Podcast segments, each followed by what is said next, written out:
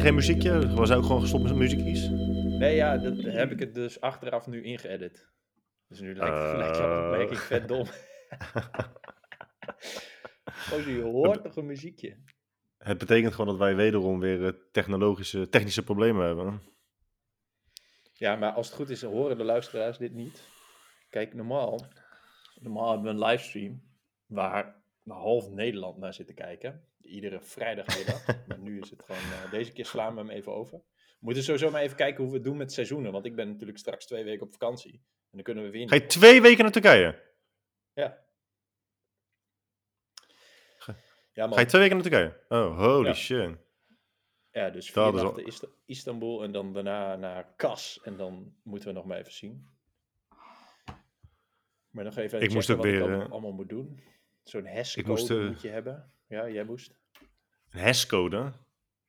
Ja, je moet toch zo'n registratie doen als je naar Turkije gaat? Online? Of heb je dat niet gedaan?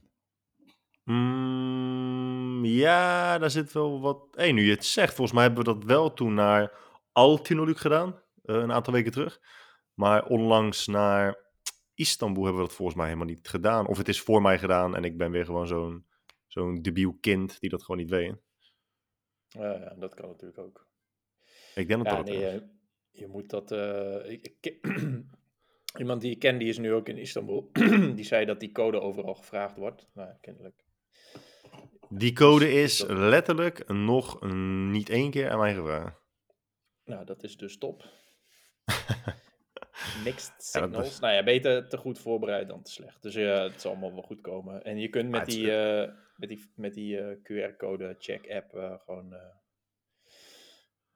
het land binnenkomen, toch? Ja, dat is ook weer zo grappig. Dat wilde ik inderdaad net zeggen. Dat je nu dus die QR moet hebben. Ze stellen bij eh, in Schiphol hebben ze dat wel gevraagd. Niet gecheckt, wel gevraagd.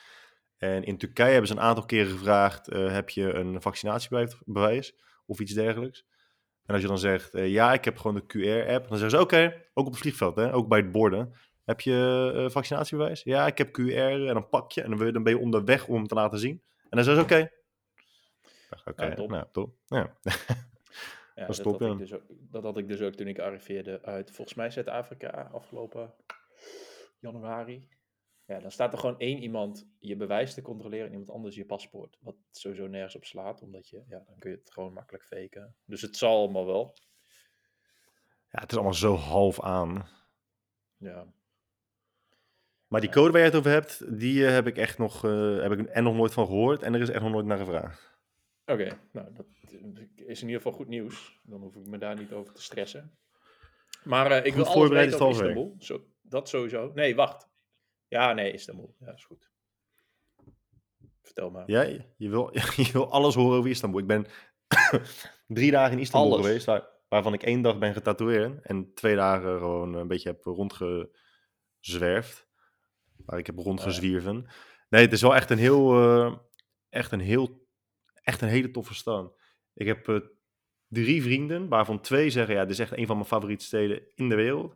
En de ander haat Istanbul, dus dat is best wel lastig, want je mag ze alle drie evenveel. En dan denk je, oeh, wie moet Ja. ik eh, geloven op voorhand?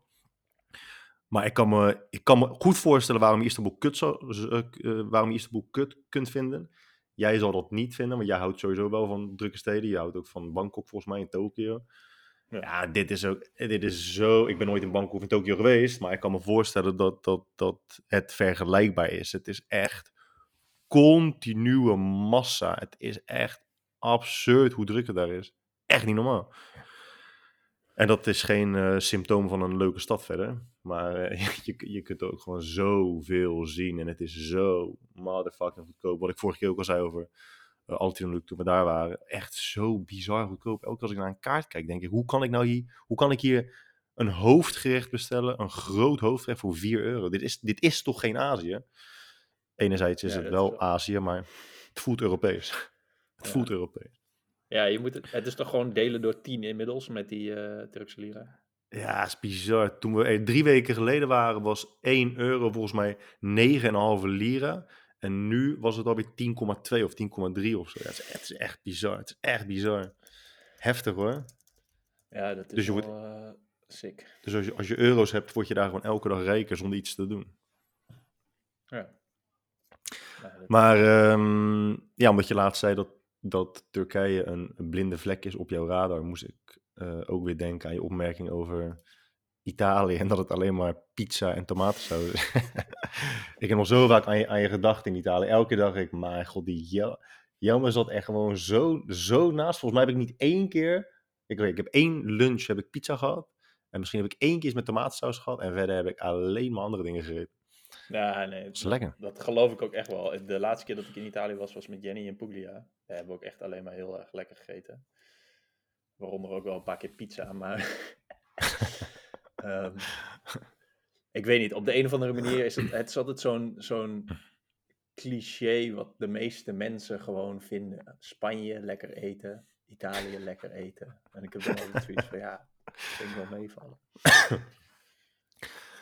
Ja, ik, maar Was, maar zo, ja, dat was wel echt chill. Je kunt zo naartoe vliegen en dan eh, ja, kun je daar chillen. Maar we hebben het al vaak over gehad, ook over, over reizen. En als je op een gegeven moment 25 hoge bergen en 25 witte stranden hebt gezien, is het echt nog maar de vraag van, oké, wat trekt je aan het volgende land dat je gaat bezoeken?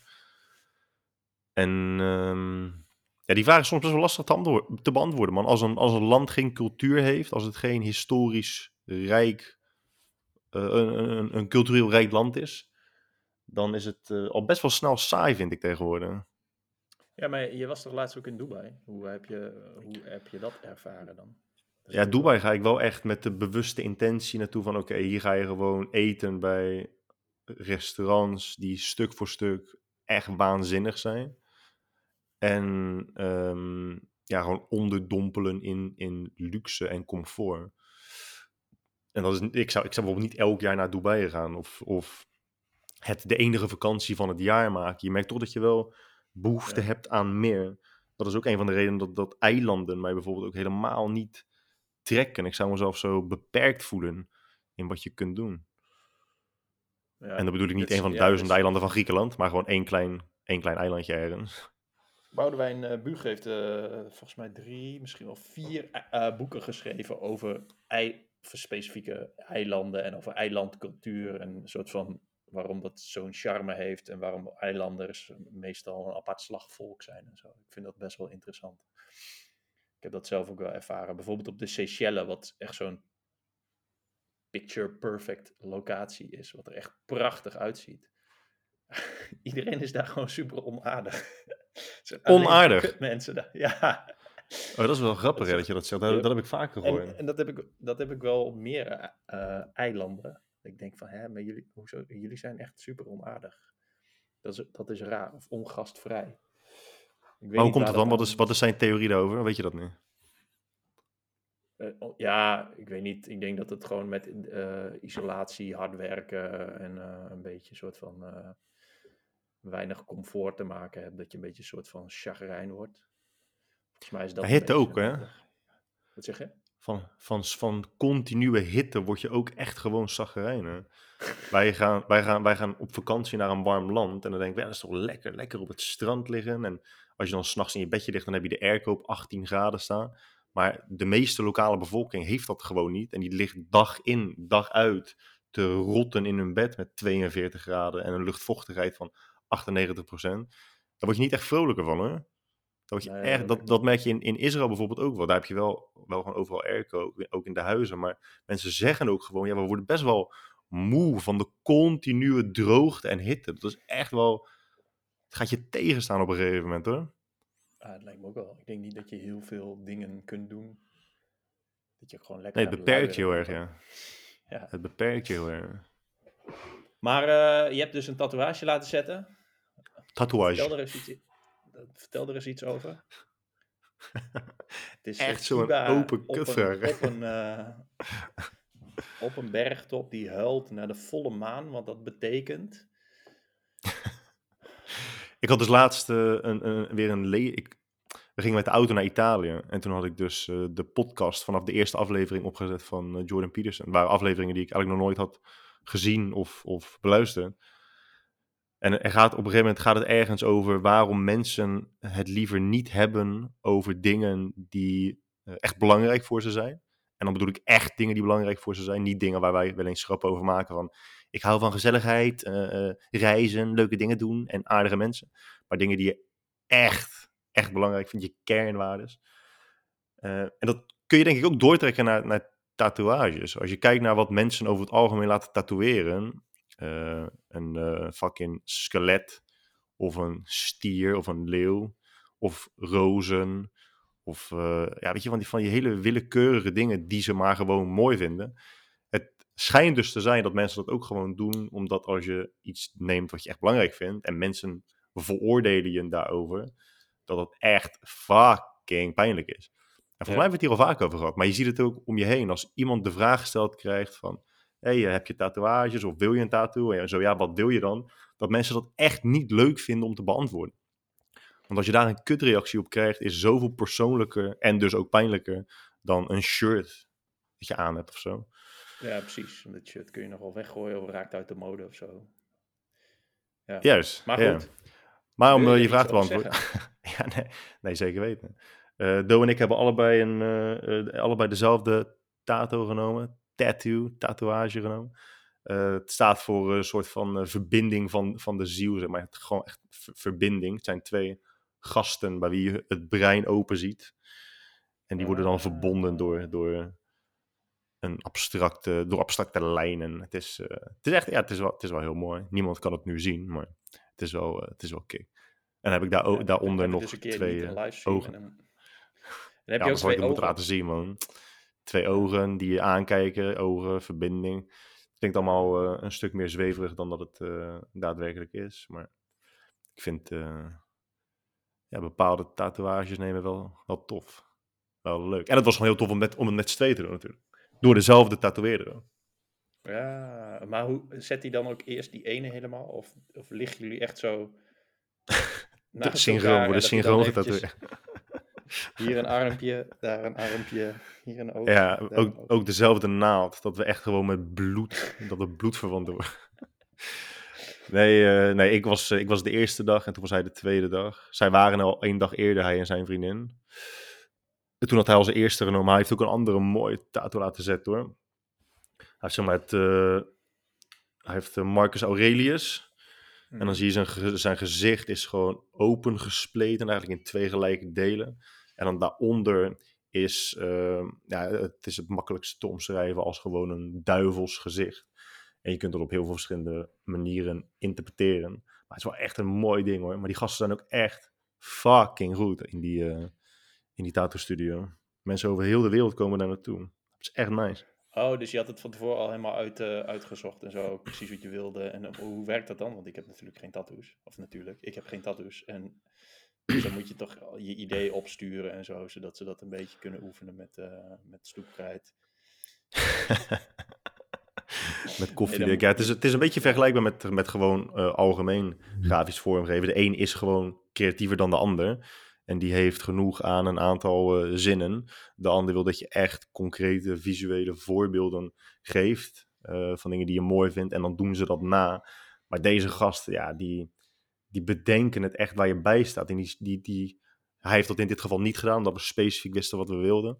Maar een aantal van die tatoeëerders daar, die tekenen ook gewoon met balpen freehand over je lijf. En dan tatoeëren ze daar eh, overheen. Mhm. Maar ze vinden het wel leuk om je een beetje te leren kennen en, ehm, weten wie het is eh, die, ze, die ze tatoeëren. Het is wel echt cool als je dat kan, man. Wat je zegt met balpen, dat je even, eventjes wat op iemands huid zet. Omdat je, je hebt natuurlijk te maken met een 3D-oppervlak, waarvan ook nog delen zachter zijn dan andere delen.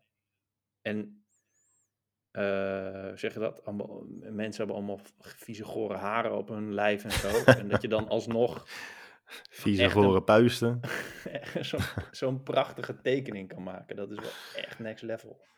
Ja, en deze gozer, die doet het dus pas drie jaar. En hij was eerst dus architect, architect in Turkije. En hij zei, ja, je bent in Turkije ben je gewoon zo beperkt.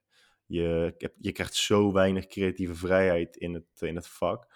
En eh, tijdens zijn, zijn werk of zo stelde iemand hem een keer de vraag van... Jij zou een keertje willen proberen tatoeëren? Nou, en ja, het, het schijnt dus, en ik weet dat niet, maar dat is gewoon simpelweg wat ik heb gehoord van mensen die tatoeëren. Dat als je kunt tekenen, dat het niet echt heel anders is dan tatoeëren. Er zijn wel wezenlijke verschillen, maar je kunt in ieder geval niet tatoeëren als je niet kunt tekenen. En deze roos die zei, ja, ik deed het voor het eerst. En dat was zo, ja, ik weet het, het lag me gewoon en ik vond het zo tof. Uh, toen is hij het altijd blijven doen en nu doet hij dat nu drie jaar. En ja, als je, je moet je ook voorstellen, hè? kijk, tatoeëerders in Nederland verdienen al bovengemiddeld veel. Maar in Turkije, en ik zei vorige keer volgens mij dat het gemiddelde maandsalaris in Turkije 3000 of 4000 lira is, al dus 300, 400 euro. Het is inmiddels dus 2000 lira. Ja, als jij daar 2000 lira per maand verdient in, met, een normaal, met een normale baan, en je verdient gewoon per tatoeage 4.000, 5.000 lira, ja, je bent echt een fucking Turkse god als je daar succesvolle tatoeëerder bent. Ja. Dus voor hen is er ook, voor andere creatievelingen is er zoveel incentive om het, uh, om het vak tatoeëren te uh, beoefenen. Ja, maar nu is natuurlijk de vraag, wanneer kom jij met jouw eerste tattoo? Van je sterrenbeeld Uh, of je geboortejaar? Ja, allebei denk ik. Of de, de straatnaam van mijn eerste huis. Ik, had, ik zag laatst iemand op de pont en die had in Romeinse cijfers een geboortedatum, ik denk van zijn moeder. Dat is wel een classic iets. Maar toen dacht ik, hè, maar Romeins, een geboortedatum in Romeinse cijfers is toch vet raar? Klopt dit? Of, of, is, of het was echt zo van 14 januari 1952. Maar dan Het is net, is het eh, dus net, net even iets unieker, toch? X, eh XIV, eh, I en dan eh, de rest. Ja, dat is, ik, ik, ik weet ook niet eens of Romeinen die, die, die, eh, die ehm, hoe noem je dat, noteerden toch ook niet op, de, op dezelfde manier als wij dat deden, of wel? Zouden zij ook echt gewoon geboortedag, geboortemaand en geboortejaar Überhaupt had je een hele andere kalender toen, toch? Ik bedoel, je hebt, je hebt nu de Gregoriaanse en vroeger de Juliaanse of zoiets. Of andersom, weet ik veel. In ieder geval wisten ze toen... Ik bedoel, Christus is toch ook geboren op vier, vier, eh, vier jaar na Christus. Dus het klopt al allemaal niet echt meer. Ja, het is ook, het is ook best wel raar, ja. Maar ik, zitten- ik zit er wel eens over na te denken. Hè? En dan denk ik van, ja, maar wat zijn bijvoorbeeld dingen die ik op mijn huid...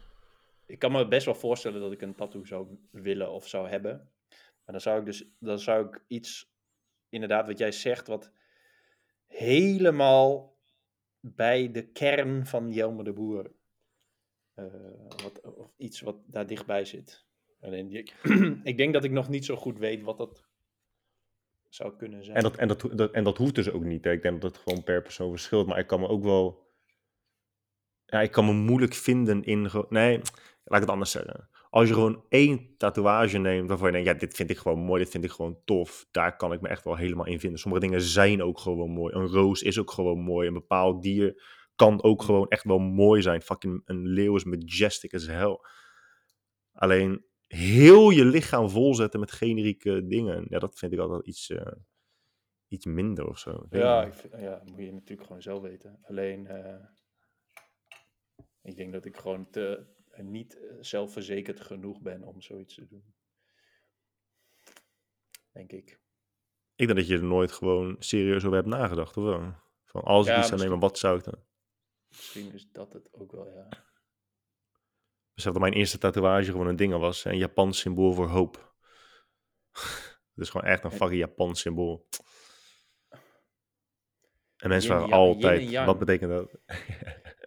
Ik zag laatst een video van Jordan Peterson over yin en yang. En ik, ik snapte, ik wist, ik wist altijd wel waarom dat symbool dat symbool was. En hij legde het natuurlijk weer gewoon uit zoals alleen hij dat kan. En toen dacht ik, ja, dit is wel echt knetterkrachtig symbool. Niet dat ik dat zou tatoeëren, maar ik vind het wel echt een van de vetste eh, symbolen die er zijn. Wat is zijn uitleg ook weer? Het is orde en chaos. En dan staat de ene stip staat voor een kans. Er is altijd een kans op orde. En in binnen Ja. orde is altijd een kans op, op chaos. Of er is, er, is dat, altijd, ja. er zijn altijd slangen aanwezig. Ja. Dus je, hij zegt dan, je, je kunt ultiem gelukkig zijn, bijvoorbeeld in je relatie en over straat lopen en dan je, je vriendin of je vriend steekt over en er komt een bus aan en, en alles is gone, in, ineens. En dat is dus die stip. Ik weet trouwens niet eens of wat, eh, wat wit is en wat eh, of wit yin is en of zwart yin is, dat weet ik niet. Maar dat maakt voor het symbool ook niet uit. En andersom eh, is het ook zo. Je kunt helemaal in de put zitten, in chaos, in, in Nee, je hebt ook eh, hoe heet dat boek ook weer van die dude die in dat concentratiekamp zat? Man's Search for Meaning? Ja, die ja, Viktor Frankl. En dan, er, kan dan in zo'n situatie ook altijd iets zijn wat je wat orde schept of wat je hoop geeft of weet ik veel wat. En wat, wat uh, aan het symbool zo krachtig is, is dat ze gewoon op, op die lijn tussen die twee is waar je uh, meaning vindt, waar je betekenis vindt. Dus, ja, mooi is dat, hè? Maar is, ja. is, is, is dit een van de vele interpretaties die eraan gegeven zijn? Of is dit nee, daadwerkelijk... Deze, deze interpretatie, dat het, dat het precies op die lijn zit, zeg maar. Dat het niet per se betekent je leven moet in balans zijn. Maar dat, je, dat, dat daar waar die twee vlakken elkaar ja, wel of niet raken... Dat dat, het, dat dat de essence is van dat symbool. Dat uh, lees ik al vaker. Alleen op een of andere manier snap ik, snapte ik het nu beter. Hij legt het volgens mij uit aan aan de hand van iemand die een, die een turnoefening doet. En dat helemaal perfect doet. En dan, uh, dan komt er daarna iemand die, die, die zeg maar dat ook, ja, nu leg ik het weer ook weer op een kut manier uit, maar die dat dan ook doet, maar op, die echt op het randje balanceert, want als, hij, als het iets verder gaat, dat je dan gewoon op je bek gaat, je been breekt, je, je salto uh, niet goed maakt of zo. Dus je moet zeg maar, je moet alles, alles geven. Al, dat risico zeg maar, dat zit er ook in. Ik ja, dat vind ik wel vet. Ja, je moet het gewoon zoveel mogelijk proberen te rekken om inderdaad de, de, absolute grens te vinden van datgene wat mogelijk is. Ja, en ik, ik, ik vind dat het ook wel te maken heeft met dat, dat, uh, dat idee van flow van uh, die Mihaly Csikszentmihalyi die dan zegt, je, je, hebt, je, je moet een uitdaging zoeken die precies tussen veel te moeilijk en veel te saai in zit, zeg maar. Dus als je iets moet doen wat je heel saai vindt, dan, dan boeit het je niet, dan ga je het ook niet doen en dan, en dan heb je daar geen plezier aan. Of als het veel te moeilijk is, dan krijg je stress en dan kom je ook niet verder. Dat, daar zit een soort van kanaal tussen waar uh, activiteiten, heel veel verschillende soorten activiteiten, super leuk kunnen zijn. Dat vind ik ook wel ja, we hebben het, uh, mooi idee. We hebben natuurlijk super vaak ook John Verveke eh, genoemd in deze podcast, maar nooit echt tegen mensen gezegd, joh, als ik jullie was, zou ik echt even YouTube op John Verveke en dan Awakening, Awakening from the Mini Crisis. Ja. Uh, want dat is volgens mij al echt al aflevering 2 of 3 of zo, toch Flow. En dat is wel echt ja. een van de beste lezingen, lectures die ik ooit heb gezien. Dus zo, sommige van die, van die video's zijn zo spot aan en zo goed verwoord dat je echt denkt: holy shit, hoe kon ik, hoe kan ik na 33 jaar pas deze video gezien hebben? Ja, van die alledaagse dingen. Ik denk dat het ook wel te maken heeft met, je moet een soort van groundwork hebben voordat zo'n video je raakt natuurlijk. Eens, je moet wel wat aanknopingspunten ja, al hebben gehad. Net zoals dat, dat het ook altijd, en dat wordt steeds moeilijker om mensen een boek aan te raden bijvoorbeeld, omdat sommige boeken, they hit different, zeg maar. Bijvoorbeeld, ja, we hebben het ook over, over de Annie M. Van, van de filosofie gehad, uh, Mark Manson. Ja, op, op, op, zeker, op vet veel momenten is dat een vet mooi boek. Maar op een gegeven moment is dat helemaal niet een mooi boek.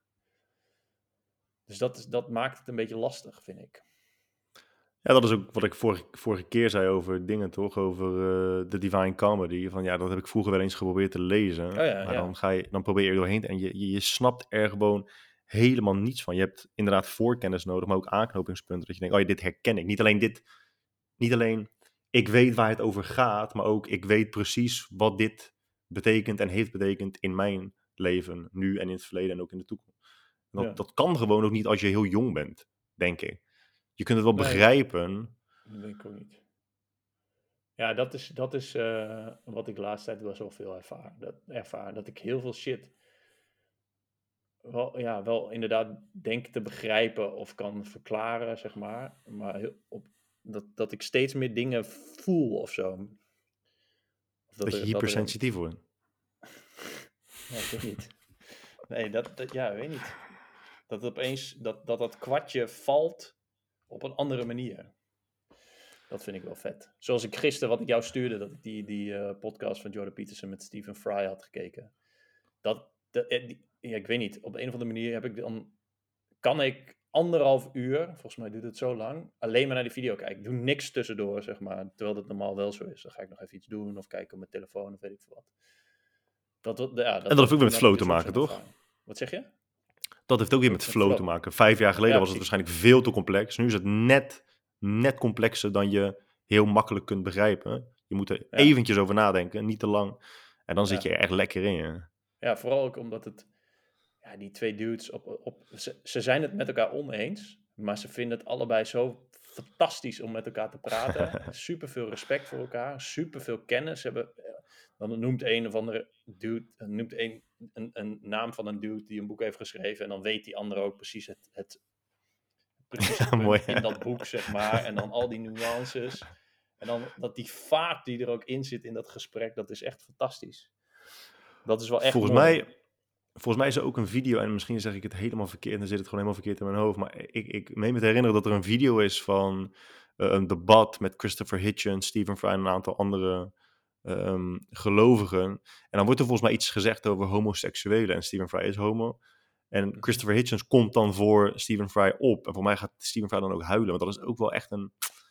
Ik, ik herinner me dat ik die video ooit heb gezien. Ik weet niet of het letterlijk zo gaat, maar wel ongeveer zo. Maar dat zou ik eens moeten, moeten opzoeken. Christopher Ja. Hitchens, Defense, Stephen Fry of zo.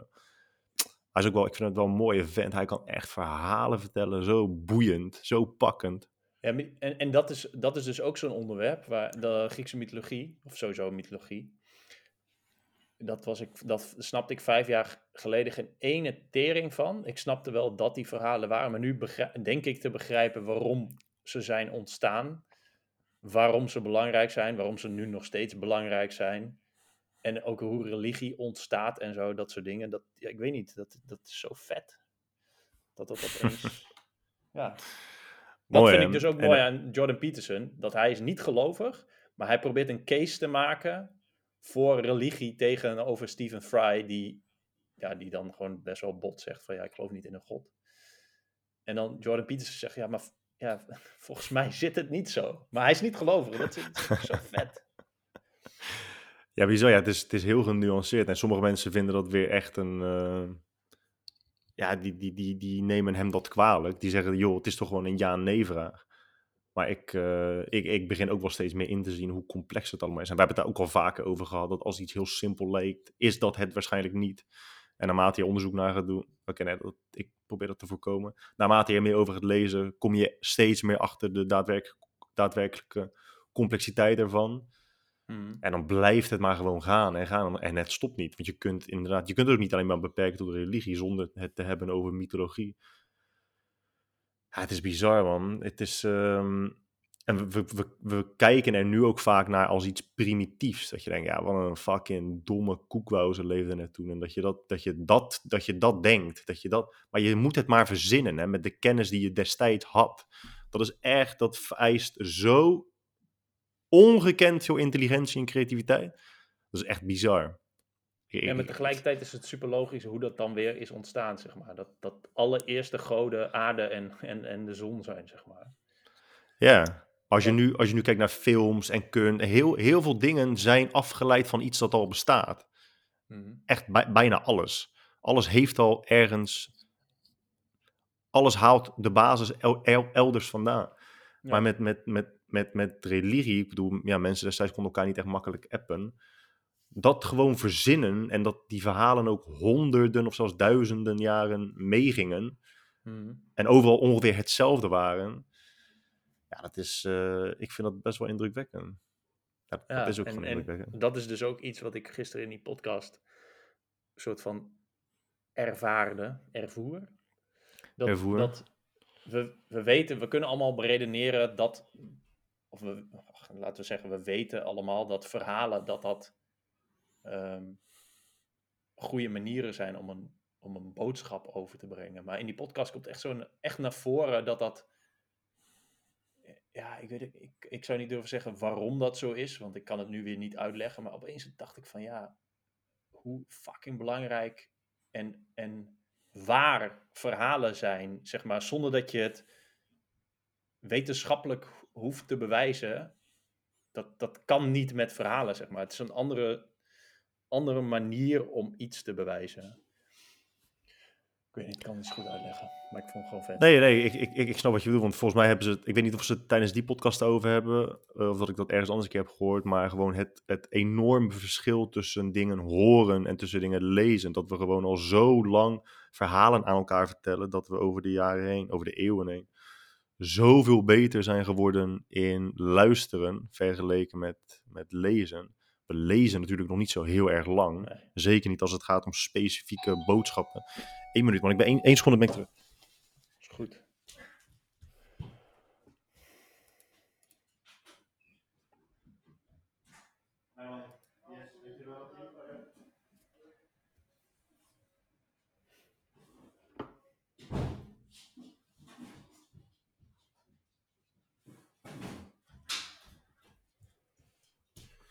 Alright, weet ik. Maar ja, tegelijkertijd dan ben je met allemaal van dat soort dingen bezig en daarna aan het luisteren en dat soort dingen aan het kijken. En dan krijg je nu weer de opkomst van de vage menstruele klachten in eh, Nederland. Ja, en dat, ja, precies wat je zegt. Dat ik dacht van, oké, ik heb, ik heb zo'n vette ervaring. Dat je gewoon, ik kom helemaal tot rust. Ik heb het idee dat ik iets leer. Ik heb superveel respect voor twee pratende mensen met een intelligentieniveau van, van nou ja, ik weet, niet, ik weet niet hoe hoog. Dat je denkt van, wat mooi is dit. En ook op- opeens waardeerde ik dat dit soort shit staat gewoon op YouTube. Ik kan dit gewoon kijken met, terwijl ik op de, op de bank lig te liggen, zeg maar. Gewoon twee dudes die bedenken, nou, laten we elkaar gaan bellen, dat opnemen. En dan niet zoals wij, maar gewoon echt, echt, echt gewoon goed. vuur, zeg maar. En dan denk ik, "Yo, wat is dit vet, man. What a time to be alive. en dan vervolgens is er een of andere Mongool. "Hey, Ik heb last van mijn kies. Het zal wel het vaccin zijn. Ik, ik, ik verslik me een augurk. Dat zal wel, mijn tong zal wel vergroot zijn door het vaccin. Want ik heb ook laatst zes weken, acht weken, drie maanden geleden het vaccin gehad. Ja, dan- dude, ik, ik, ik, ik, ik... Ten eerste hoop ik dat wij over twintig jaar ook die twee dudes zijn, die gewoon echt vuur spitten naar elkaar toe, dat je denkt, yes, deze motherfuckers zijn aan. Eh, dat, dat denk ik niet, maar misschien wel. Nee, nee, maar het is, het is Maar- in ieder geval. Ja, ik, ik, ik, ik zag het gisteren voorbij komen en dan, en dan, ben, je er, dan ben, je er, ben je er vijf minuten over aan het nadenken. hè. En dan denk ik, kijk, laat ik even vooropstellen, ik denk dat ik dan ook voor jou spreek. Ik ontken niet dat je geen vage kunt klachten van het vaccin. Dat, ik denk niet dat iemand dat per se ontkent. Mhm. Maar de, de, de zekerheid en de stelligheid waarmee dat weer wordt gezegd. Er, echt, volgens mij, als je het hebt over vage klachten. Vage klachten zijn met een reden ook vaag. Ze zijn heel moeilijk te diagnosticeren. Het is heel moeilijk te achterhalen waar het vandaan komt. Mensen hebben echt al 500.000 jaar lang vage klachten. En dan hebben we het nog niet eens over, over de menstruele klachten, waar zij het vaak over hebben nu, de, de dames op social media. Maar ook gewoon moeheid en, en misselijkheid of hoofdpijn. Dat, dat is gewoon vaag. Dat weet je omdat je ouder bent dan vijf en je bent ongetwijfeld een keer naar de huisarts geweest. En als je met die klachten aankomt, weet de arts het ook gewoon echt niet precies. En dan de zekerheid waarmee nu wordt gezegd, ja, dat komt door het vaccin. En dan heb je het ook nog eens over menstruele klachten. En ik weet niet veel over menstruatie, hè, om vanzelfsprekende redenen. Maar menstruatie, voor zover, voor zover ik weet, is echt fucking complex. Hè, je hebt toch, eh, hoe, hoe heet dat effect ook alweer? Dat, ehm, dat menstruatie eh, synchroniseert, dat het aanpast aan andere dames waar je vaak... Wel- Wellesley effect volgens mij, het Wellesley effect. Je, je menstruatie synchroniseert met, met andere vrouwen die je vaak om je heen hebt. En het schijnt ook niet willekeurig te zijn. Het feit dat je menstruatie Maar dat, al doet... Ook, dat schijnt ook niet helemaal waar te zijn. Dat dat zo is. Maar meer, op, meer eh, dat eh, schijnt dat dat ook weer te maken heeft met dat het opvalt. Een soort saliency, zeg maar. Oké, dat, dat, dat weet ik. Ik ga, ik ga dadelijk eens- Wel- Wellesley effect heet het volgens mij. Maar ik ga dadelijk eens even eh, kijken hoe dat zit. Maar, maar voor zover ik weet is, is, is even onderzoek, is, is menstruatie best wel complex. Je hebt het ook over een periode waarin bijna iedereen bovengemiddeld gestrest is of gestrest is geweest. Ehm, dus het hele, de hele psychosomatische klachten die je kunt krijgen van zo'n periode worden ook gewoon genegeerd. ja, dan denk ik, waar komt opeens die stelligheid van? Nu zijn er wel bepaalde vrouwen, bijvoorbeeld uh, Larissa van Meerten zag ik ook een paar keer voorbij komen. Uh, die zegt wel gewoon, ja, ik zeg niet met zekerheid dat het het vaccin is. En ik zeg ook niet dat het niet zo is. Ik zeg alleen maar dat ik gewoon sinds het vaccin vage klachten heb. Maar dat is, het, dat is hetzelfde als ook mensen die dan een, een ja, het is, het is causaliteit zoeken in, in iets dat zo complex is. Hoe kun je een kausaal verband vinden tussen twee datapunten over de laatste maanden in je leven? Er gebeurt echt zo verschrikkelijk veel dat van invloed kan zijn op dat wat je nu hebt en voelt. En dan de overtuiging dat het dat ene, dat, dat, dat ene ding is. En ik snap het ook wel, want het is, je hebt een gezamenlijke vijand nu. je, je twijfelde altijd al een beetje, of je was er gewoon op tegen, maar hebt jezelf over laten halen ik, ik snap, vrouwen kwamen hiervoor toch ook niet samen op social media om het te hebben over hun vage klachten. Die vage klachten heeft iedereen toch altijd wel ergens een keer in het leven. Ja, nou ja, zo'n zo'n uh, arts reageerde toch ook op dat nieuwsartikel. Dat dat soort van. Uh, dat die vage klachten er altijd, er altijd zijn. En onregelmatige menstruatie is, komt super vaak voor. Door precies wat jij zei. Dat kan superveel uh, redenen hebben. Dus, oh, mooi, dat heb ik niet gelezen, man. Ja, dat, op RTL Nieuws was dat. Um, ja, nou ja, dat eigenlijk. Maar um, ja, ik weet niet, ik vind het gewoon. Uh, sowieso is het, is het natuurlijk super vervelend dat mensen vage klachten hebben en dan en, en uh, um, ervan overtuigd zijn dat het ergens aan ligt wat, ja, wat je gewoon dat kun je niet zo stellen, zeg maar. Maar je kunt geen zekerheid uh... vinden in onzekerheid. Soort van, ja, ik, ik, weet het, ik weet het niet, dus hiermee is de kous af. Een soort van, oh, het is moeilijk, ja, het is complex. Daar hebben we het laatst ook over gehad met, met aliens. En voor mij heb ik je dat gisteren ook nog van, ja, ik zie iets in de lucht en ik weet echt niet wat het is. Dus het moeten wel aliens zijn. Ja, dat, dat slaat gewoon nergens op. Ik, uh, niet, dat, niet, niet dat Wikipedia uh, per se heel erg uh, doorslaggevend is, maar hier staat inderdaad ook: The proposed mechanisms have also received scientific criticism. A 2013 review concluded that menstrual syn synchrony likely does not exist. Nou, dus uh, ja, dat, uh, dat, zei je in, dat zei je inderdaad waarschijnlijk uh, goed. Ja. Um, maar ook, ja, ik, ik noemde heel even, even psychosomatische, psychosomatische klachten, maar ook ja, we zijn toch zo fucking complex. En ook hoe we op stress reageren is echt absurd. Het is echt absurd hoe we hormonaal op stress reageren. En dat je dan gewoon kan zeggen, ja nee, het is het, uh, het, is het vaccin. Je had toch gerapt naar mij dat, dat jouw oude sportschool-eigenaar was overleden aan corona. En zijn zoon in coma ligt nu. Ja. Ja, Hans Schonewille, rest in peace. Heb ik, uh, ja, wat natuurlijk, uh, is natuurlijk gewoon... Hij had, hij had zich niet laten vaccineren omdat, ja, weet ik veel, zal er wel redenen voor hebben. Maar dat neemt natuurlijk niet weg dat het gewoon sad is. Hij was tegen vaccineren, toch? De persoon die jou appte, die zei dan? Ja, ja, ja hij, was, hij was tegen vaccineren. Maar ik weet niet om wat voor redenen, want mensen hebben natuurlijk verschillende redenen voor. Maar um, ja, en zijn zoon die ligt dus in coma, die, uh, um, die, die ik nog ken. Want ik, ik kwam daar in die gym als 17-jarige. Gewoon, dat is, was mijn eerste gym. Dus, dus alles wat die doet, ja, er waren wel meer gastjes zoals ik. En dan was er gewoon een enorme kleerkast en dat was hij, die je dan goed van die, van die tips gaf, waarvan je dan achteraf nog wel wat twijfels kan hebben. Maar het is in ieder geval, wat ik altijd kon waarderen, is dat het gewoon zo'n enthousiasteling was, die gewoon jonge gastjes soort van de basics van krachttraining wilde bijbrengen. Ja, ik weet niet. Ik heb dat, dat altijd super, super erg gewaardeerd. Um, waardoor het dus gewoon sad is ja, dat die, uh, dat die gozer is overleden, man. Erg, hè? Ja, ik, ik, ik, ik vind het ook, ik blijf het lastig vinden, man. Je wilt geen, geen molecuul in jezelf wil denken, ja, hè, je krijgt wat je, nou, je verdient is echt helemaal niet jouw uitspraak. Je had het misschien kunnen, je had het misschien aan kunnen zien komen als je gewoon het advies iets serieuzer had genomen. Maar je bent echt wel tegelijkertijd heel... Je hoopt dan dat, ja, ja, inderdaad. Je kunt, dat, dat kun je niet zeggen, maar ik weet precies wat je bedoelt. Um, je hoopt gewoon dat, dat, er, dat er iets gebeurt waardoor hij dan ja, zich toch had laten vaccineren of zo, weet je wel, dat soort dingen. I don't.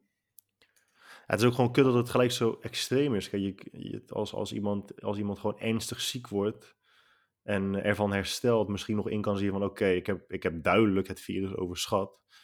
Eh, dus Ja, wellicht precies, ja. is, eh, is vaccineren wel, eh, wel verstandig. Maar dat het dan gelijk het uiterste is van wat je kunt krijgen, dat is wel echt helemaal kut. Echt helemaal Ja. kut. En ik word ook zo, ik word zo fucking moe van mensen die nu zeggen, oh, als, als wij een QR-code nodig hebben, of als je nog steeds een mondkapje op moet hebben, dan werkt je vaccin niet. Want je vaccin moet je beschermen en niet je mondkapje. Bro, dat is, dat is echt hetzelfde als dat je tegen een bokser zegt, als jij een bitje in moet doen, dan helpt je bitje niet. Dan kan je beter een bitje.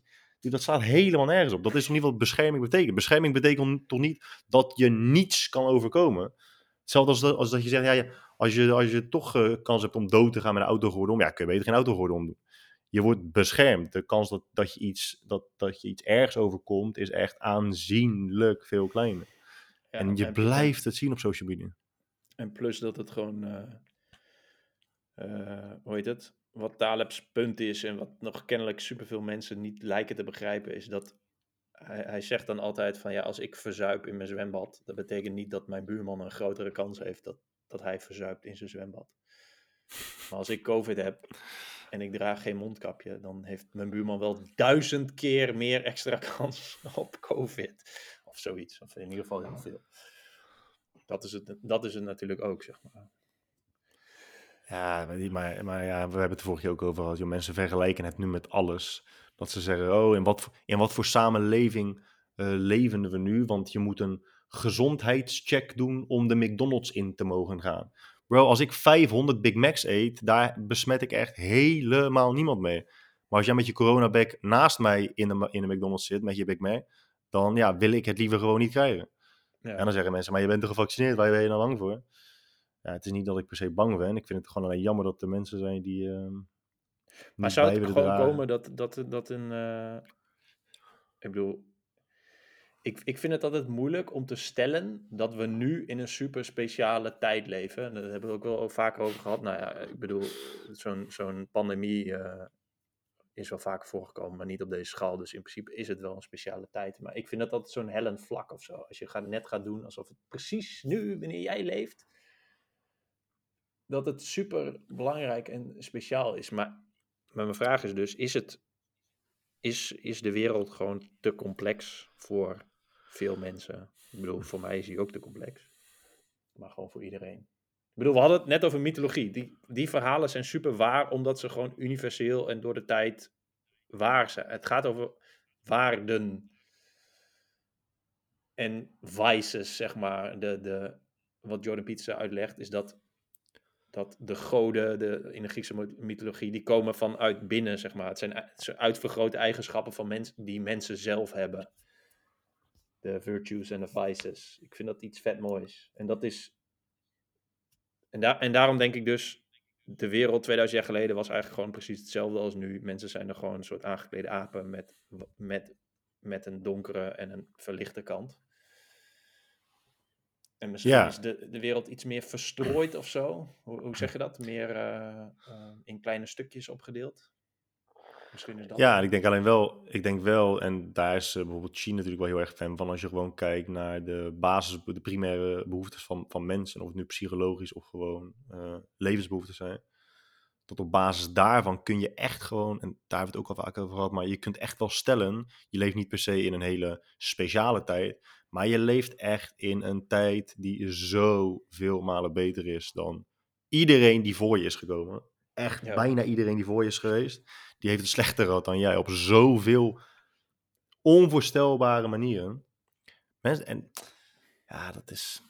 We, we hebben het laatst kort even gehad over, tenminste niet echt erover gehad, maar benoemd, schaduwkant van de mens en zo. Maar mensen blijven structureel onderschatten hoe slecht je het kan hebben, hoe slecht het kan zijn en hoe fucking goed je het hebt. Überhaupt dat je ook kunt klagen over dit soort dingen op social media, is al bewijs dat je het zo goed hebt. Ja, dat, dat zei Taleb, dat vond ik wel mooi. Let op, zei hij. De, de landen waarin het hardst wordt geroepen over, over eh, het inperken van vrijheden, zijn de landen met de meeste vrijheden.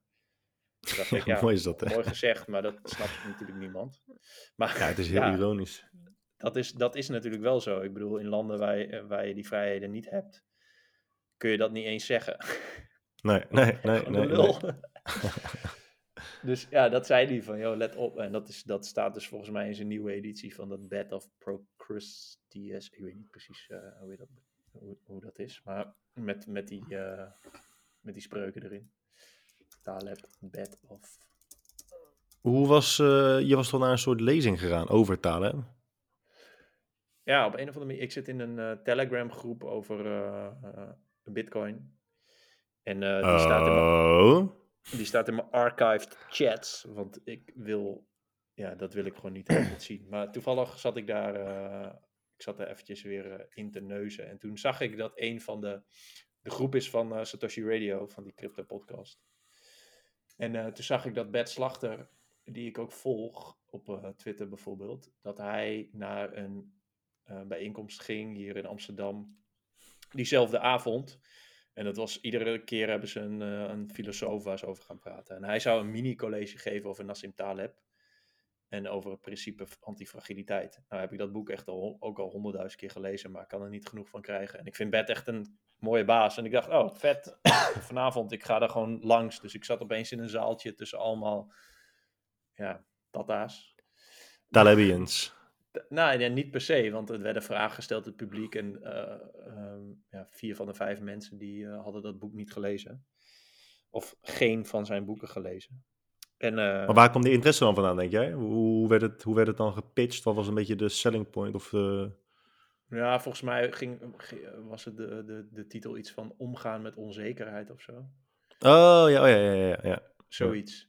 En ja, misschien dat mensen eh Bert Slachter kenden. En eh eh, Arnold Grunberg zat er ook om zijn mening te geven. En Sanne Blauw, volgens mij, van de correspondent die een boek heeft geschreven. Het best verkochte boek ooit. Die zou ook komen, maar die, zou, die eh, vanwege omstandigheden was die er niet.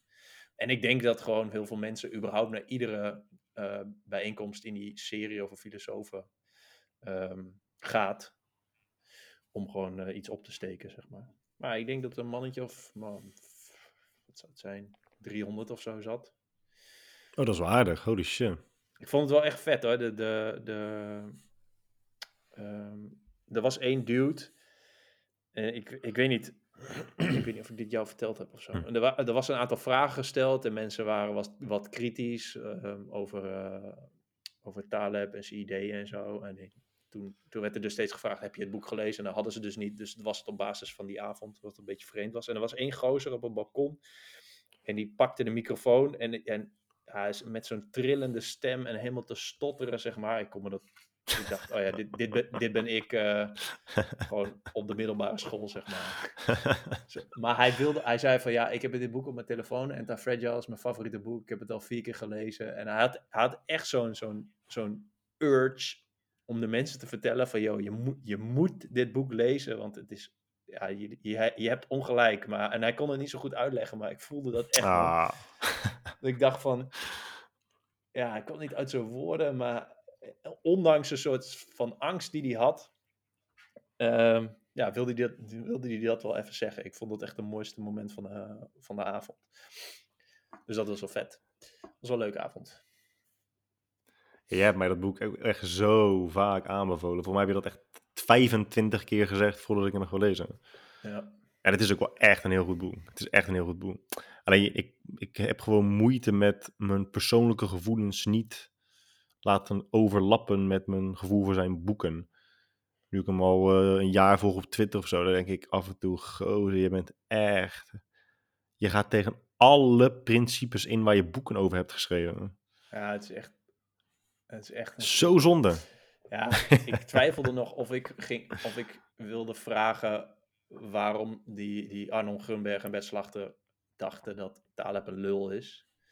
Ja. Alleen, ja, dat was dan eigenlijk meer vooral omdat ik het zelf heel grappig zou vinden om dat te vragen. Maar ja, het, het- Maar dat zal waarschijnlijk Bitcoin gerelateerd zijn ook, toch?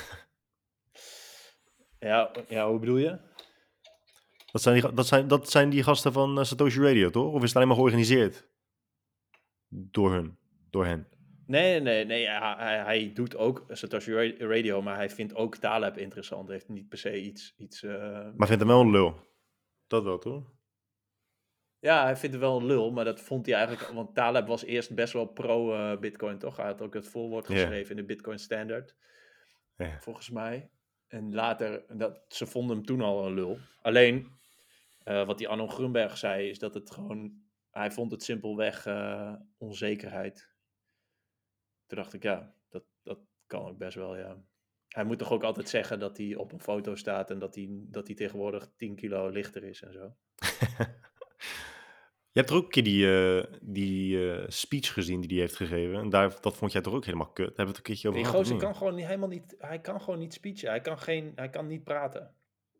Ja, staat vreselijk, maar heb je gezien hoeveel, hoeveel positieve reacties daaronder staan? Dat mensen denken, ja, dit is echt de beste speech die ik ooit heb gehoord. Dan denk ik, ja, dit is dan ook de enige speech die je ooit hebt Ja. gehoord, want dit kan gewoon niet de beste zijn.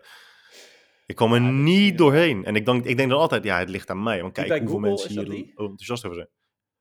Nee, nee, oh nee, die hebben, hier hebben we het over gehad. Ja, want ik had het toen over een speech en toen had jij het ook over zijn interview volgens mij bij, bij Google. Of zijn speech bij Google. En die had ik toen niet gehoord.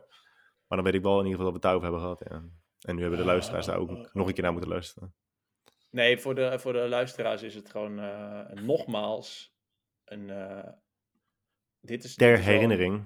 ter herinnering. Dit is wel. We hadden het net over boeken aanraden en zo. Ik weet niet. Ik vind het sowieso altijd lastig. Maar. Zie je het boek Anti-Fragile of iets anders van als een taal hebt. Neem het eens mee. Probeer het eens. Maar en, en weet wel dat je het gewoon. Ja, dit klinkt ook stom. Dat je het drie keer moet lezen voordat je het snapt of zo. Dat Voordat je er echt iets aan hebt. dat ligt natuurlijk ook aan wie het leest en zo. En, maar goed, ja, vet. Het is wel, eh, het komt ook wel enigszins uit op waar we het net over hadden met yin en yang. Dat het leven eigenlijk een beetje op dat middelpunt moet eh, zitten. Wil je groeien, wil je vooruit kunnen. Ja. Eh, je hebt weerstand nodig. Dat is ook een beetje waar Anti-Fragile over gaat. In één zin. Ja, ik, ik, ik zat laatst weer, een, ik heb weer, weer een boek gelezen over boeddhisme. Weer niet die ene die jij mij aan eh, had geraden, want dat heb ik natuurlijk nergens genoteerd. Heb je wel Siddhartha, Siddhartha al gelezen een keer? Nou ja, volgens mij is, is dat wat je mij hebt aangeraden. Maar nee, nee natuurlijk niet. Nee, dat is boeddhisme plain en simpel, toch? Die ik een paar keer heb aangeraden. Uh, nou, je moet eventjes uh, na deze podcast dat even naar mij sturen. Want ik moet sowieso nog wat dingen op mijn Kindle oké. zetten voordat ik naar Turkije ga. Um, maar uh, toen dacht ik, ja, ik vind het altijd wel een interessante levenswijze of zo. Maar het gaat wel echt om het verwijderen van het negatieve en het kwade, als ik, zoals ik het nu begrijp, zeg maar. Ik weet niet. Ik heb niet echt het idee dat dat, dat dat precies die middle path is die wordt gepredikt. Maar misschien weet ik er ook te weinig over. Waarschijnlijk wel. Ja, volgens mij heeft het boeddhisme heel veel overlap met het stoïcisme, toch? Dat je, je erkent en accepteert gewoon dat er heel veel kwaad is, maar dat moet gewoon komen en gaan zoals wolken ook door de lucht passeren. En dat je niet te lang bij stil moet blijven staan of er te veel aandacht aan moet geven. En dat je sowieso mentaal geraakt zult worden, maar de manier waarop je ernaar handelt is altijd um, vrijwillig en bewust. Ja. En dat, dat je daar heel veel mee bezig moet zijn. Nou ja. Je zit er ook aan te staren. Ja, ik ja Siddhartha is gewoon... Uh, ik zie jou wel de hele tijd nu. Nou, ik zie jou niet de hele tijd. Ik ben heel naar je ogen aan het kijken. Siddhartha gaat gewoon over de verlichting van de eerste Boeddha. Het ontstaan van Boeddha eigenlijk. Het is een beetje een, uh, een roman slash biografie. Uh, over dat hij, wel... uh, dat hij binnen, die, binnen de paleismuren opgroeide en een keer stiekem naar buiten ja. ging. Maar wel met, met gewoon ja. die, die zijn karretje eventjes... Hoe heet dat? Gewoon een bediende. Dat hij dan ja, een, dat, een dat is, man, ja, een maar zieke is, man en een oude man, toch? Dat was het. Ja, dat is, dat is inderdaad... Dat is een beetje de, de fable, het fabeltje, maar dit is wel een stuk dikker en ook een stuk meer uitgebreid. Uh, en op een gegeven moment wordt het ook bijna een fantasie. Uh, want dan gebeuren er dingen dat je denkt, ja oké, okay, nu gaan we wel heel ver, maar het is, het is wel echt een, uh, een heel mooi boek. moet het nog een keer lezen. Het is eigenlijk hoe, hoe het, is, het, is, het is de basis, en daar hadden we het net ook over, dat alles wat nu wordt gedaan is, uh, stamt voor of, of borduurt voor op iets wat al bestaat. Maar uh, die Alchemist, weet je wel, van uh, Paulo Ja. Coelho. Ja. Nou, dat vinden natuurlijk heel veel mensen een, een prachtig verhaal. En het is ook een prachtig verhaal, maar het is een archetypal story. Is archetypisch een Nederlands woord? Nee, toch? Archetypisch, vast. Ja.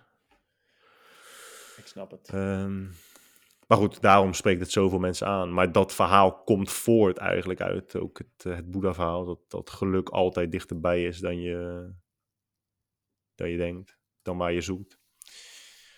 Dus die moet je even lezen. Ja, Even, even op je kindertje zetten. ja. Ga ik dat, eh, ga ik dat doen. En, Ik heb dingen ook eh, wat gekocht, heb- hè? Wat? Dingen. De Gulag Archipelago. Archipelago. Maar ja, die moet ik eigenlijk ook nog ooit. Zo, dat is een unit hoor. Ja, dat, eh, dat zal wel. Het zijn drie boeken van 600, 700 pagina's. Echt? Ja, dat is heftig hoor. Ja, daar word je stil van hè. Ik ook een beetje. Als ik er weer aan denk dat ik dat moet gaan lezen nog. En ik heb Mijn Kamp heb ik ook binnengekregen. Oké. Nou, Ja, interesse- als Jood moet ik dat... interessant. Als, Wat? interesting. Als Jood moet ik dat toch gelezen hebben? Ja, dat is zeker waar. Ja. Ik heb eh, op mijn Kindle staan. eh, volgens mij heet dat Why We Work. Van Barry Schwartz, van de, de schrijver van eh, The Paradox of Choice. Ik ben, een, ik ben een hoofdstuk aan het schrijven bij, voor Autonomie over werk. En heb ik dit niet de vorige keer verteld? Maar Jordan Peterson heeft mij eindelijk uitgelegd waarom mensen werken. En, eh, heb je niet verteld volgens mij, nee. dat Of ik ben het vergeten. ik heb heel veel notities over, over werk en zo. En, en, en ik denk dat ik daar best wel wat leuke dingetjes over kan schrijven. Maar ik dacht, ik, ik heb nog geen antwoord op de vraag waarom mensen werken. En dan is het heel simpel. Ja, maar je moet er geld verdienen om shit te kunnen kopen. Ja, klopt. Maar wa- waarom? En het antwoord is, eh, dat zegt Jordan Peterson, ligt dus weer in het verhaal van Adam en Eva met de slang, dat mensen, de slang is een gevaar voor mensen en dat ze de hele tijd eh, daarop werden gewezen als ze een slang zagen. Dat zit heel erg. Dat is ook een van de eerste woorden van mensen, het woord voor slang, net zoals eh, dag, nacht, eh, eh, dat soort dingen. Volgens mij eh, een- een van de eerste tien woorden, tenminste denken mensen, is, is voor slang. En op een gegeven moment dachten, konden mensen denken dat, dat er in de toekomst ergens een slang zou kunnen zijn, zeg maar. En toen kreeg ze bewustzijn. En Jordan Peterson zegt dan, oh-oh, there's the future. en dat vind ik, dat is, dat is precies waarom mensen werken. Omdat ze dan op een gegeven moment konden ze het onderscheid maken tussen, tussen nu en straks. En dan op een gegeven moment kun je dan denken, ik, ga, ik moet nu iets opofferen, zodat ik in de toekomst puntje, puntje, puntje. En dat is ook het idee van, van offers, zeg maar, ook in religie en gewoon in het, dagelijks leven. Toen dacht ik, ja, dat is het dus. De, de slang heeft het veroorzaakt. Soort van, je, je, er is opeens een bewustzijn gecreëerd. Je, je weet, er is op, je tijd bestaat opeens. Je weet, je weet dat het nu ergens is. En je, je kunt denken, oké, als ik nu, weet ik veel, een huis bouw, dan heb ik in de toekomst een huis. Als ik nu een dak boven mijn hoofd maak, dan heb ik in de toekomst een dak boven mijn hoofd. Als ik nu allemaal dingen ga verzamelen, dan, heb ik, dan kan ik in de toekomst chillen, zeg maar. En dat is helemaal doorgeëvalueerd tot nu. Of nog steeds, zeg maar. Dat, dus, dus werken is iets supermenselijks. Alleen het idee dat mensen nu werk best wel kut vinden, is omdat het helemaal is losgetrokken van je eigen toekomst. Het heeft niks meer. Daarom is ambacht, vinden mensen ambacht ook zo super interessant, omdat het iets is waar je zelf mee bezig bent. Het is, je, bent je bent je eigen omgeving aan het creëren.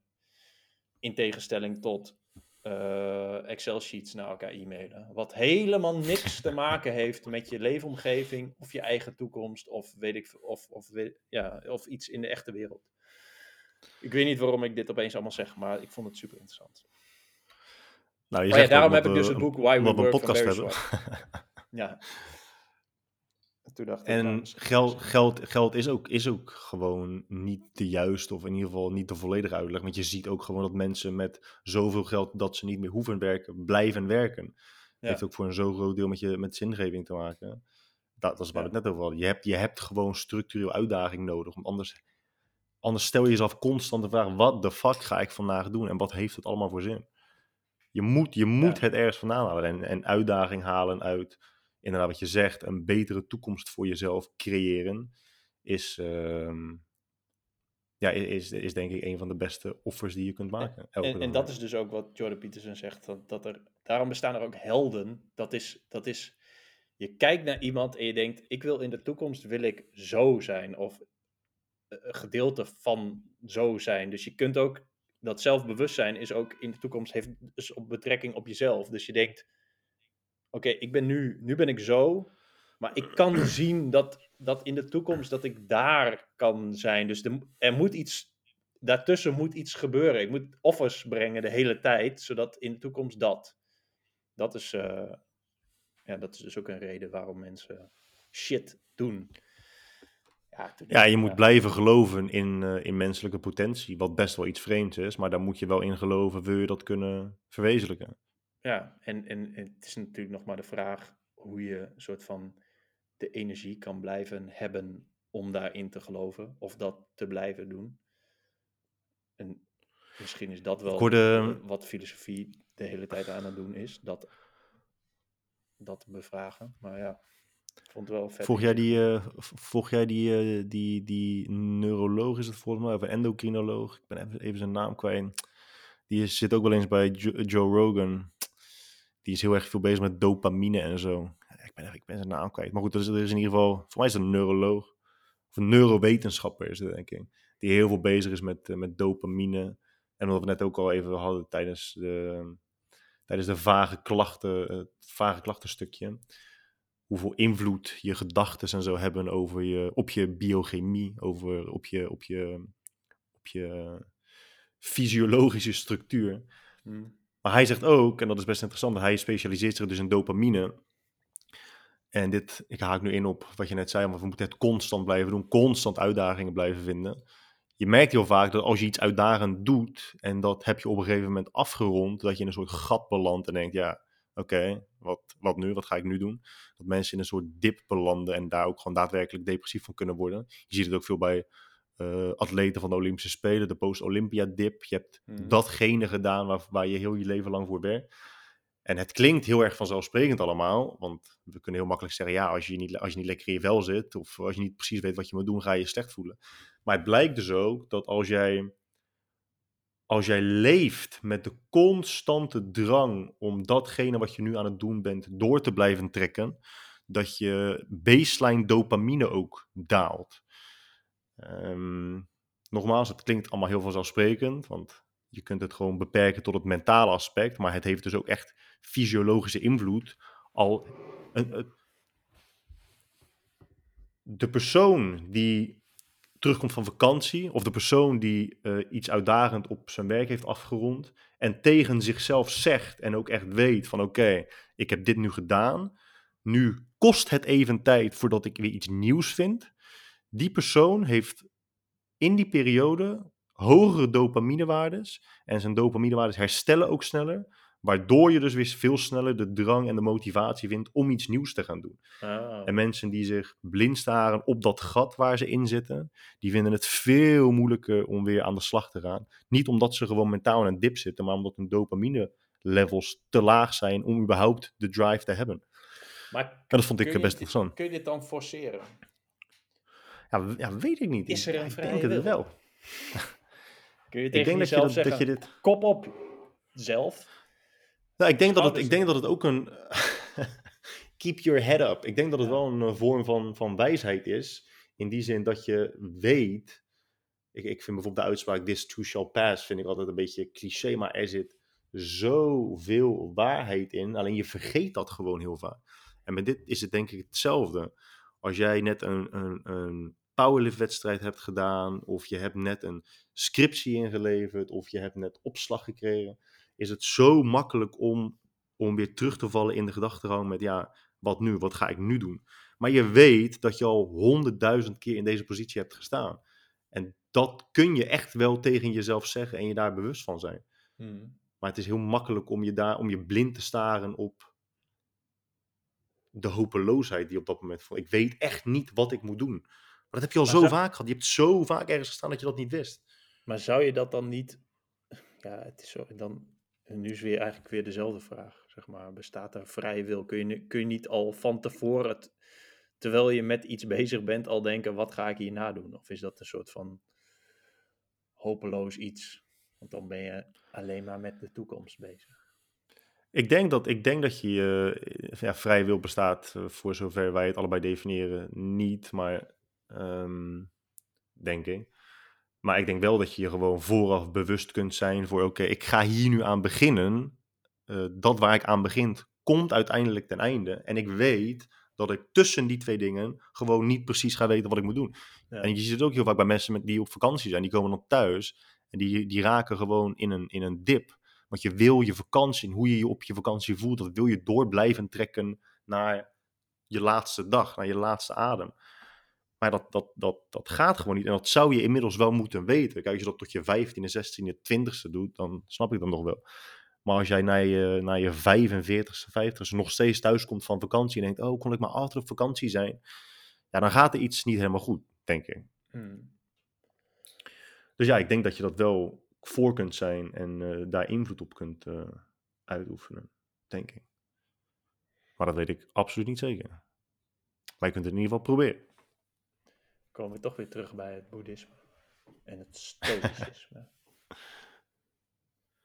En dat is ook bijvoorbeeld het Taoïsme, dat is ook wel interessant. Die hebben het dan als het gaat om, als het, als het om negatieve situaties gaat. Sommige mensen interpreteren Taoïsme als een soort passiviteit, gewoon niets doen en laat alles maar gebeuren.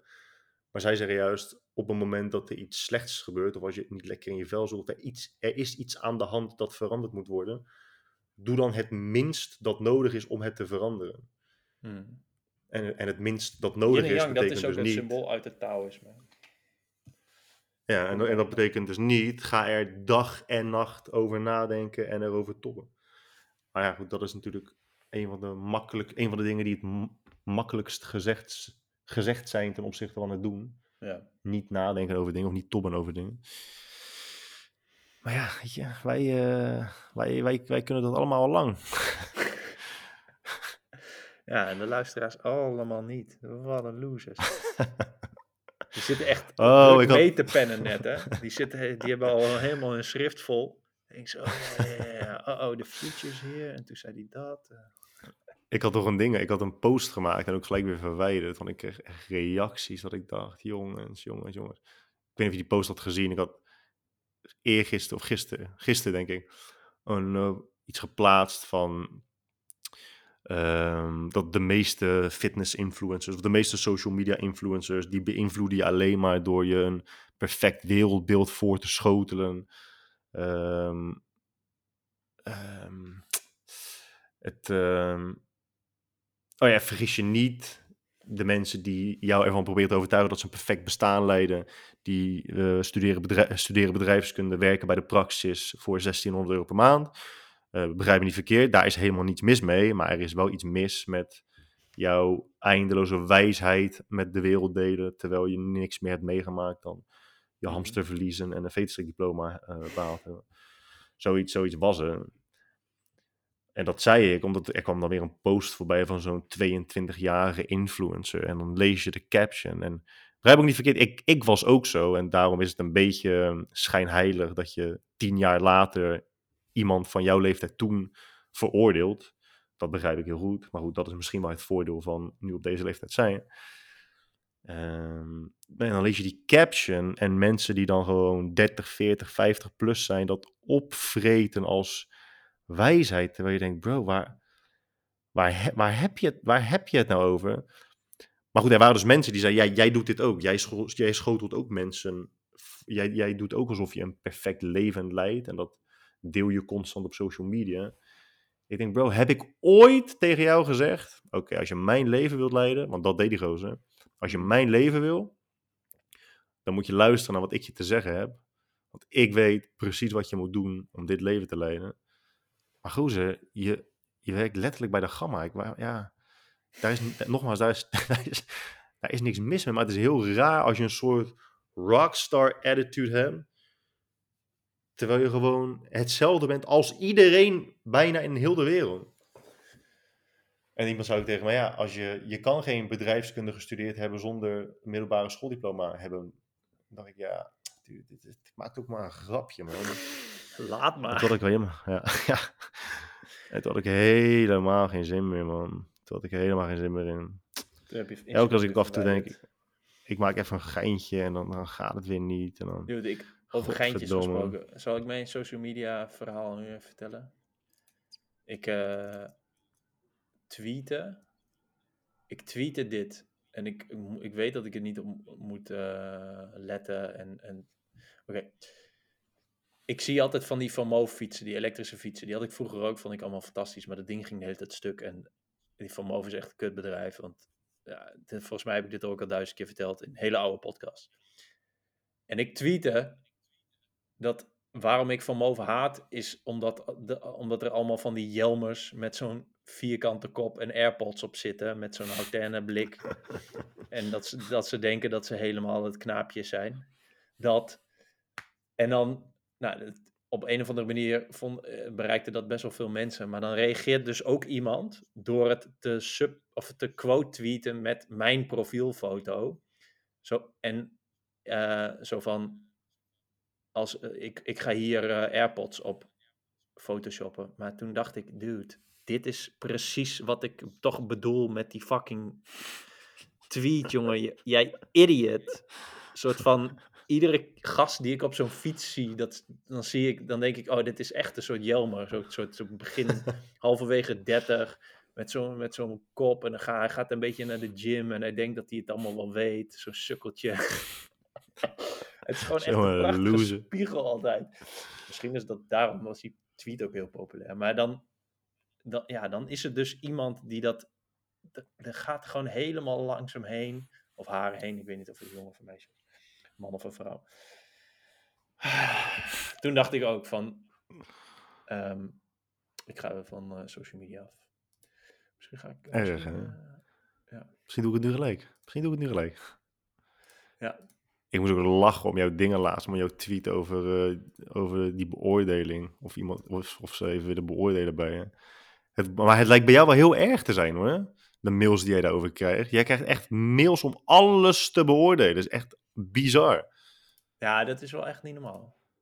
Wat, ja, wat, oké, wat was het ook alweer? Ik zal het even voor de, voor de luisteraars. Dit was wel een hele mooie, ik denk dat je die bedoelde. God, eh, oh, ik tweet wel veel, man. Ik zie het ook man. Heb ik hem verwijderd? Je tweet inderdaad heel veel man. Heb je verwijderd. Geef, Daarna geef uw mening over uw woning, comma, woonomgeving en de dienstverlening van Bouwinvest en uw vastgoedmanager VBNT Vastgoedmanagement. Holy shit. Ja, dat is toch echt bizar. Hoe ga je daar je mening over geven? Geef uw mening over Ik heb, dienstverlening. Ja. Ik heb dat, eh, dat hotel in Turkije heb ik een, een eh, bericht gestuurd. Hè, van jongens, ik ga jullie eh, eenmalig de kans geven om mijn eh, geld terug te geven. En anders moet ik toch echt met de wereld delen eh, dat ik de slechtste ervaring aller tijden heb gehad in jullie hotel. Aller tijden heb gehad in jullie hotel. En toen belden ze me gelijk. Heb ik natuurlijk niet opgenomen, daar heb ik gewoon geen zin in. En toen hebben ze geappt. Snel nummer gegoogeld. Nee, ik zag gelijk Turkije. Ik dacht, ja, oké, dat is het gewoon. Toen appte, appte die daar nou. Weer verontschuldigen natuurlijk. En ja, gozer. Mensen kennen dit verhaal natuurlijk niet, maar ik heb gewoon drie nachten niet geslapen in Turkije. Het was gewoon een vijfsterren hotel. En dat hotel was ge- eh, opgesplitst in twee gebouwen. En het ene gebouw had je de eerste en de derde verdieping. En het andere gebouw had eh, twee, vier en zes en één. En als je dus in het ene gebouw zat, waar je bij op de eerste of de derde etage sliep, dan, dan, dan sliep je naast een nachtclub. Ja, bro, je kan, je kan gewoon niet slapen, want het geluid is zo hard en de bas gaat dwars door je lijf heen. Ik ga niet heel verhaal vertellen, maar goed, het kwam er in ieder geval op neer dat eh, ik daarover heb geklaagd. En dan zeggen ze, ja nee, we gaan wel eh, klagen bij de nachtclub. En dan denk ik, bro, denk, wie hou je hiermee voor de gek? Mij in ieder geval niet. Dus ik zei dat ook. Ik zei, joh, laten we, laten we gewoon eerlijk zijn naar elkaar. Dit is Istanbul. Jij gaat niet een nachtclub stil kunnen leggen omdat je zegt, hé, hey, er zijn een paar gasten die niet kunnen slapen. Interesseert ze echt dude. helemaal geen tyfus. Ja, dat interesseert ze echt helemaal geen ene tyfus. Eh, en ja, dat bleek ook. Eerste nacht gewoon eh, heel de nacht wakker gelegen. Tweede nacht hebben we drie keer gebeld naar de receptie. Waarbij ze de derde keer gewoon zeiden, ja, nee, sorry, we kunnen er echt niks aan doen.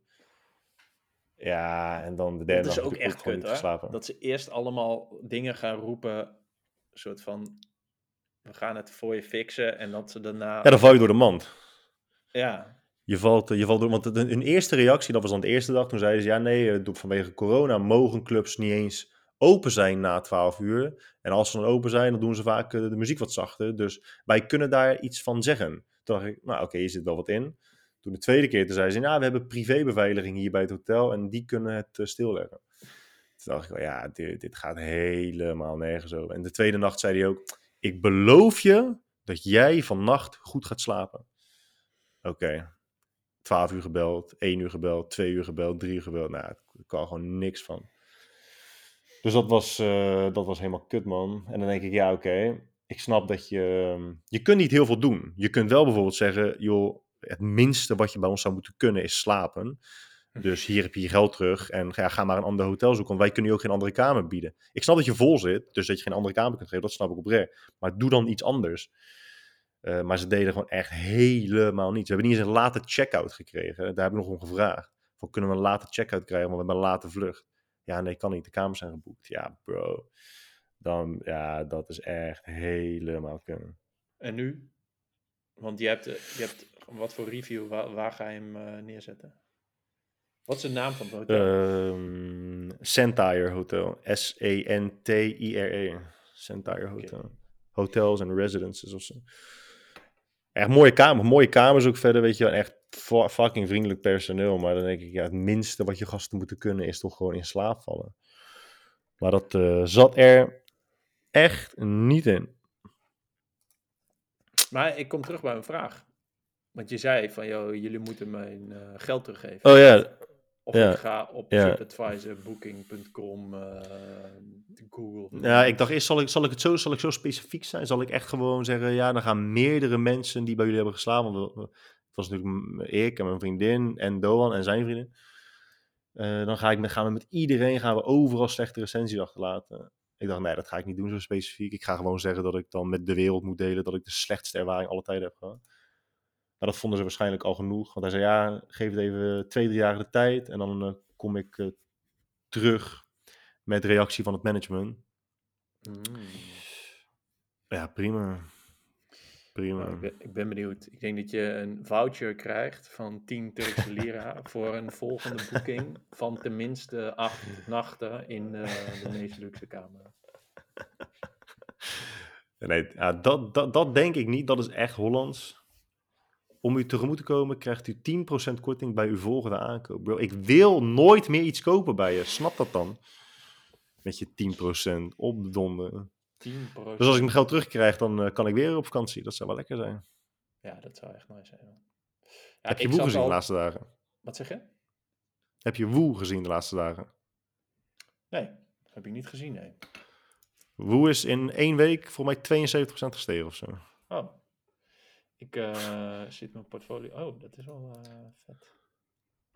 Oh, wat leuk. Dus onze, dus onze, ons, onze podcast portfolio is nu 12 Ziek, euro ongeveer. ziek gestegen. Even kijken, waar heb ik dat staan? Oh ja, hier. Woe. Ja, woe wel, maar de rest niet. We hebben ook maar heel weinig woe. Kut woe. Die gozer die ik, eh, waar ik het net over had, heet Andrew Huberman. Neuroscience Huberman? professor at Stanford. Hu Huberman. Andrew Huberman. Huberman. Neuroscience professor, lab director, host of the Huberman Lab podcast.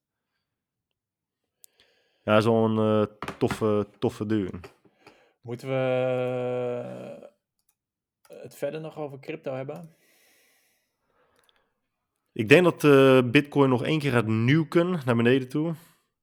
En dan gaat daarna Moon. ziek omhoog. Denk het wel, man. Ik denk het wel. Ik had echt zo een lekkere tradingweek. Echt mijn, een van mijn beste weken ooit. Ja?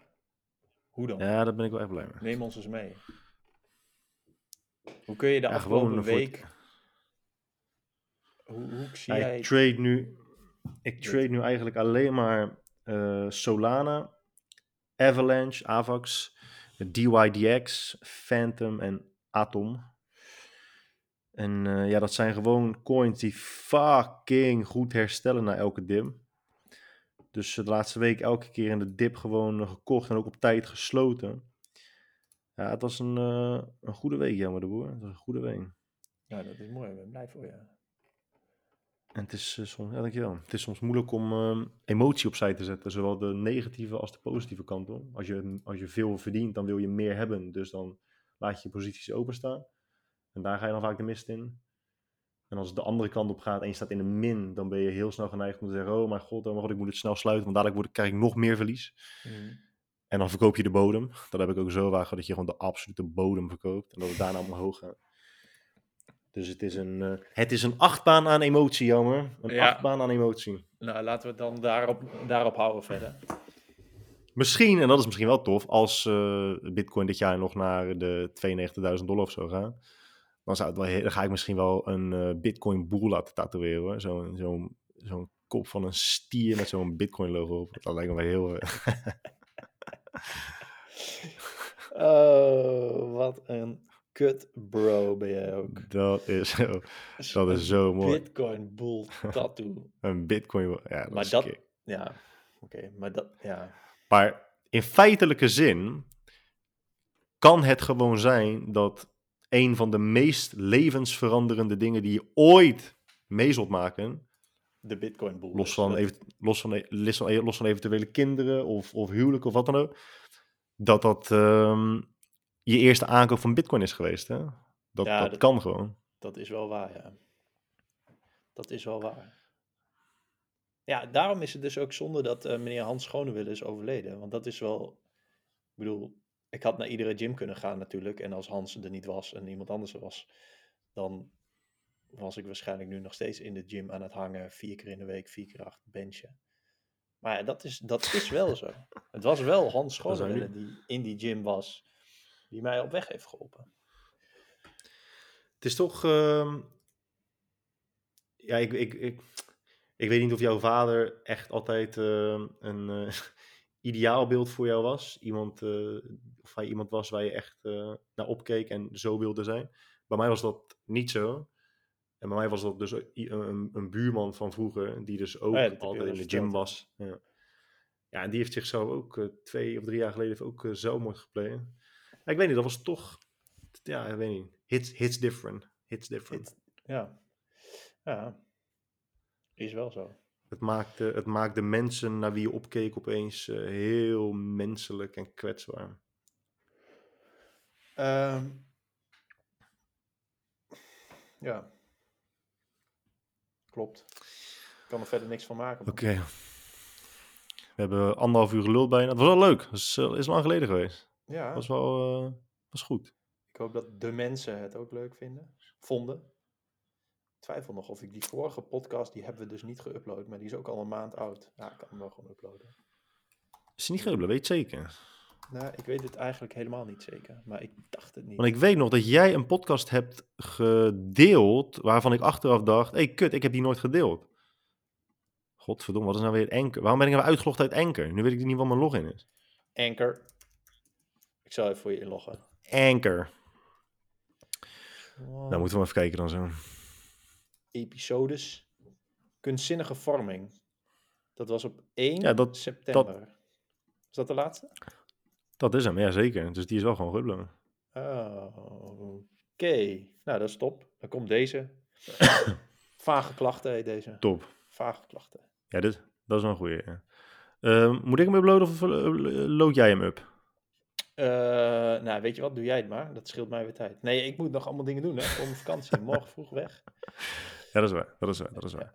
Is goed, jongen. Ga ik dat even regelen. Nou, Wens ik de- jou een eh, hele fijne vakantie. voor de mensen, we zijn er eh, twee weken weer niet. En dan begint, daarna begint seizoen 3. Zullen we dat doen? Dan hebben we dit seizoen altijd dan 12. Vorig seizoen 26. Dat is echt Ja, zo, hè? Daarna begint seizoen 3. Ik heb ook een mooi nieuw plaatje trouwens voor seizoen 3. Maar die heb ik al een keer gestuurd. Echt? Ja, wat ik, ik stuur hem je nu via WhatsApp. Dan kun je even reageren zonder dat je het zegt tegen de luisteraars. Moet ik dan uit mijn neus blazen? Hier.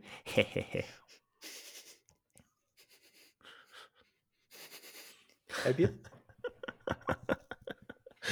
Die heb jij nog nooit gestuurd naar mij, man. gek. Jawel, ik heb deze een keer gestuurd. Echt? Wordt dit echt een nieuw plaatje? Het is wel echt grappig, man. Maar het is wel... eh, ja, is wel nice. Ik vind Ja, het wel mooi. Fantastisch. Ik kan me niet herinneren dat je ooit hebt gestuurd. Oh. Ja, dat is mooi. Ja. Dat is mooi. Maar dan zijn we weer van die viezerik. Hè? Dan zijn we weer van die vieze, vieze oude mannen. Vind je het een vies plaatje? Ik vind het gewoon vooral een heel grappig plaatje. het zegt gewoon ook heel veel, omdat we gewoon de hele tijd, wel in deze podcast, eh, de hele tijd maar met elkaar eens zijn. Dat vind ik ook wel mooi, treffend in dit plaatje. Mensen, wil je nou weten welk plaatje dit is? Abonneer je dan eh, op deze podcast. Ga naar peenuien.nl. Even een donatie. Doneer dan nu 10 euro en dan stuur jij hem direct op naar ze. Dat ga ik zeker doen. Dus als je doneert 10 euro met je e-mailadres, dan stuur ik je gewoon direct een plaatje. Of ik nu op vakantie ben of niet, doe ik gewoon. Weet je wat ook heel mooi is? Ik, al heel de dag log ik in op PayPal en dan heb ik PayPal saldo openstaan. En dan wil ik dus geld overboeken doen, zodat je van PayPal naar je bankrekening kunt overmaken. En al heel de dag krijg ik, er is een probleem opgetreden, probeer het later opnieuw. Ik bro, ik wil gewoon mijn geld hebben. Godverdomme. De melding, er is een probleem opgetreden, probeer het later opnieuw, heeft helemaal hè? niemand, echt, eh, er heeft gewoon helemaal niemand iets aan. Gewoon helemaal niks heb je eraan. Ja, du- dude, hè, dat er een fout is opgetreden, ja, hè, dat ik het dan nog een keer ga proberen als het godverdomme nu niet lukt. Dat is hetzelfde als dat mensen zeggen, het ligt altijd op de laatste plek waar je zoekt. Ja, hetzelfde als de Ja. wasmachine reparateur mevrouw vraagt, voordat hij stuk ging, deed hij het toen nog wel? Gozer. Oh, mooi zo. Ja, maar een hele fijne vakantie. ja. En eh, ja, laat me even weten hoe het, eh, hoe het daar is eh, met alle Turken. Ja, zal ik zeker laten weten. Oké, yo. Later. Ja, dat was